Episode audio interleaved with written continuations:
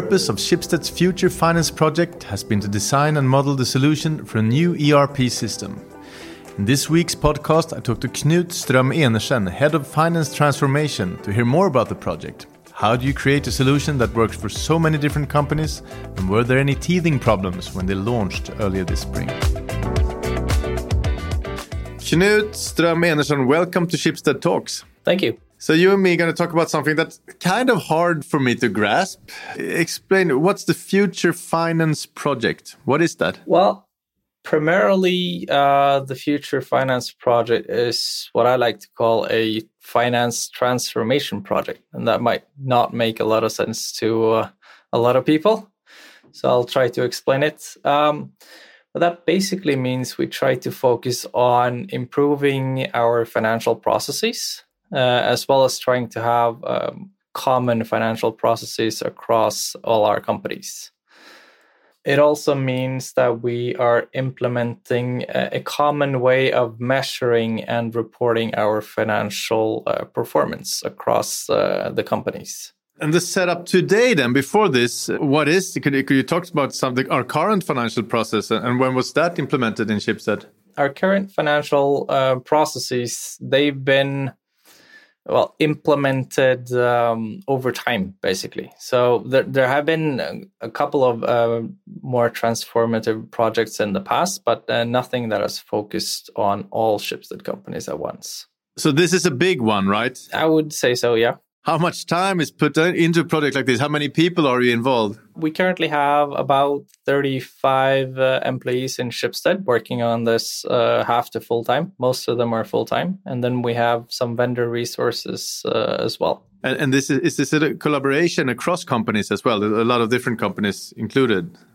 Yeah, so we have well currently we um, we just finished uh, going live with the pilots. Um, so for that we had a central team taking most of the work uh, with the vendor, and then of course we have uh, stakeholders all around the organization and especially in the pilot companies that are involved and giving us their requirements and, and basically uh, how explaining to us how they their companies work, and then we incorporate that into uh, into what we deliver basically uh, as well as trying then to uh, to see what requirements do we have elsewhere in Schibsted and so to the million dollar question then why do you do this that is um, basically because we have we have seen uh, well we, we are doing quite well uh, in in our financial services at the moment but we would like to have uh, faster and even more uh, accurate financial reporting so basically giving uh, giving managers across Schibsted the ability to to make the, their decisions based on the financial reports faster.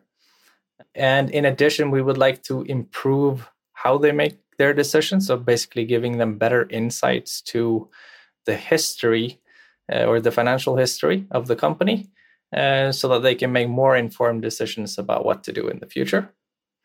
Um, and in addition, we also would like to improve the efficiency of our financial services. Um, so basically, uh, that we can expand uh, our portfolio in Schibsted without increasing costs, and even manage to save some costs. Um, and then Schibsted is is not a company that's uh, or not a group that's uh, that's dormant. Uh, we acquire companies a lot of the time, and and um, we see that some of the times it's quite it's a big big work of integrating new companies into the Schibsted family. Uh, so that is also something that we would like to make a little bit easier, at least on the finance side. And how? Could you explain how that that's made easier with this one? Uh, it's basically uh, what we call uh, the global financial template. So we're creating one one big template for which includes uh, our financial processes. So how how should people perform their jobs? Which tools should they use? And also, as I mentioned, how we measure the financial performance, how we report it. Um, so basically, the chart of accounts uh, and the dimensions that the uh, management is using to follow up on their business, like Finn is following up on on their mo- motor vertical, or the jobs vertical or real estate um, so that we we make this uh, harmonized and common across for similar companies And you went live uh, in the beginning of April, right? Yeah. How did it go? Did, did you have any teething troubles? Uh, well, we did expect some teething troubles, uh, as as in any larger project. Uh, so, but I think we were quite well prepared for it. So nothing that uh, that exceeds our expectations. And then uh, we also have an amazing team who who's standing by to uh, to fix any issues as they arise. What happens now? Are you implementing it all over Schibsted, or what happens now? Yeah. So basically, uh, what we're going to do now is, is we're going to go into uh, uh, another phase where we will try to improve some of the features that we've already implemented, uh, implement some additional features into the template, uh, and also the companies that are already live on the solution. And then who are they? Who are already live on the solution? Yeah, so the two pilots that was uh, VG in uh, Norway and Blocket in Sweden. Okay, okay, okay. And then uh, we're gonna roll out to the remaining part of uh, Norway first. Uh, we're aiming to complete that during Q1 2022. And then during the fall, we will start the preparations for for deploying to Sweden uh, the rem- remaining parts of Sweden. That will be completed by the end of Q2 2022. And then in parallel, we are also onboarding the new uh, Danish eBay company, uh, and we'll uh, we're expecting to complete that during Q2 2022.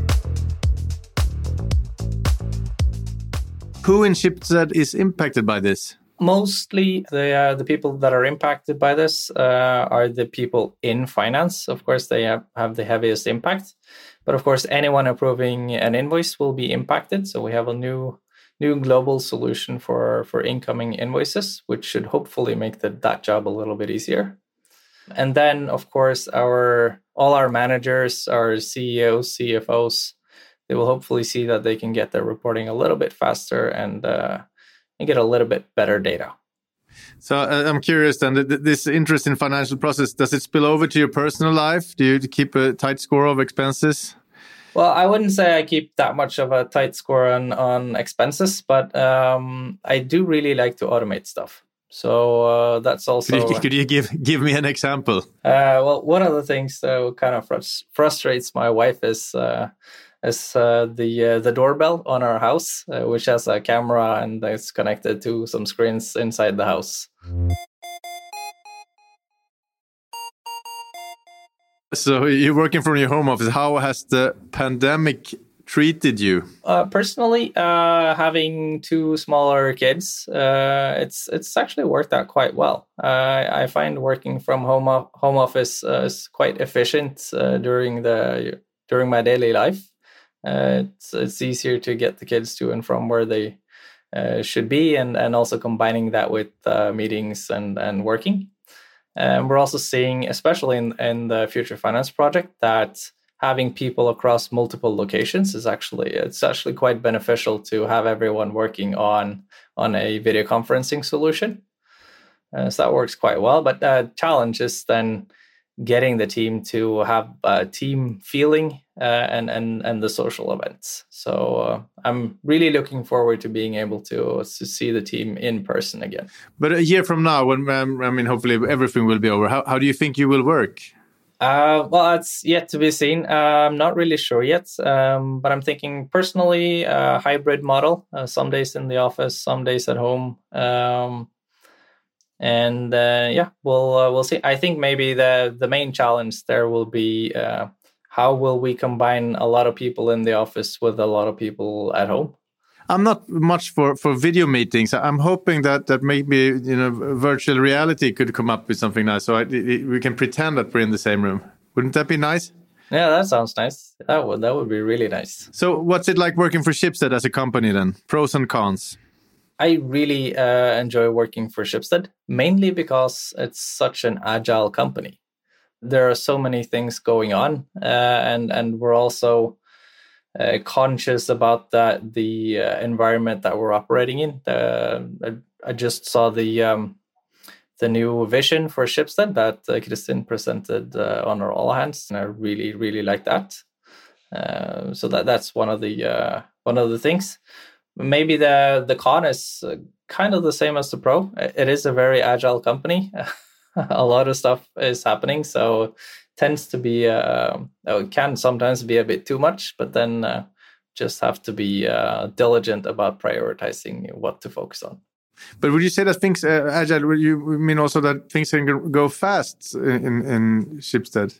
Yeah, I would say that's that's part of uh, what I mean when I say agile. So it's fast paced, uh, but it's always fun, and uh, and I love the people. Uh, we have so many Uh, competent uh, people uh, and sociable people. So yeah, that's a, it's, it's a lot of fun at work.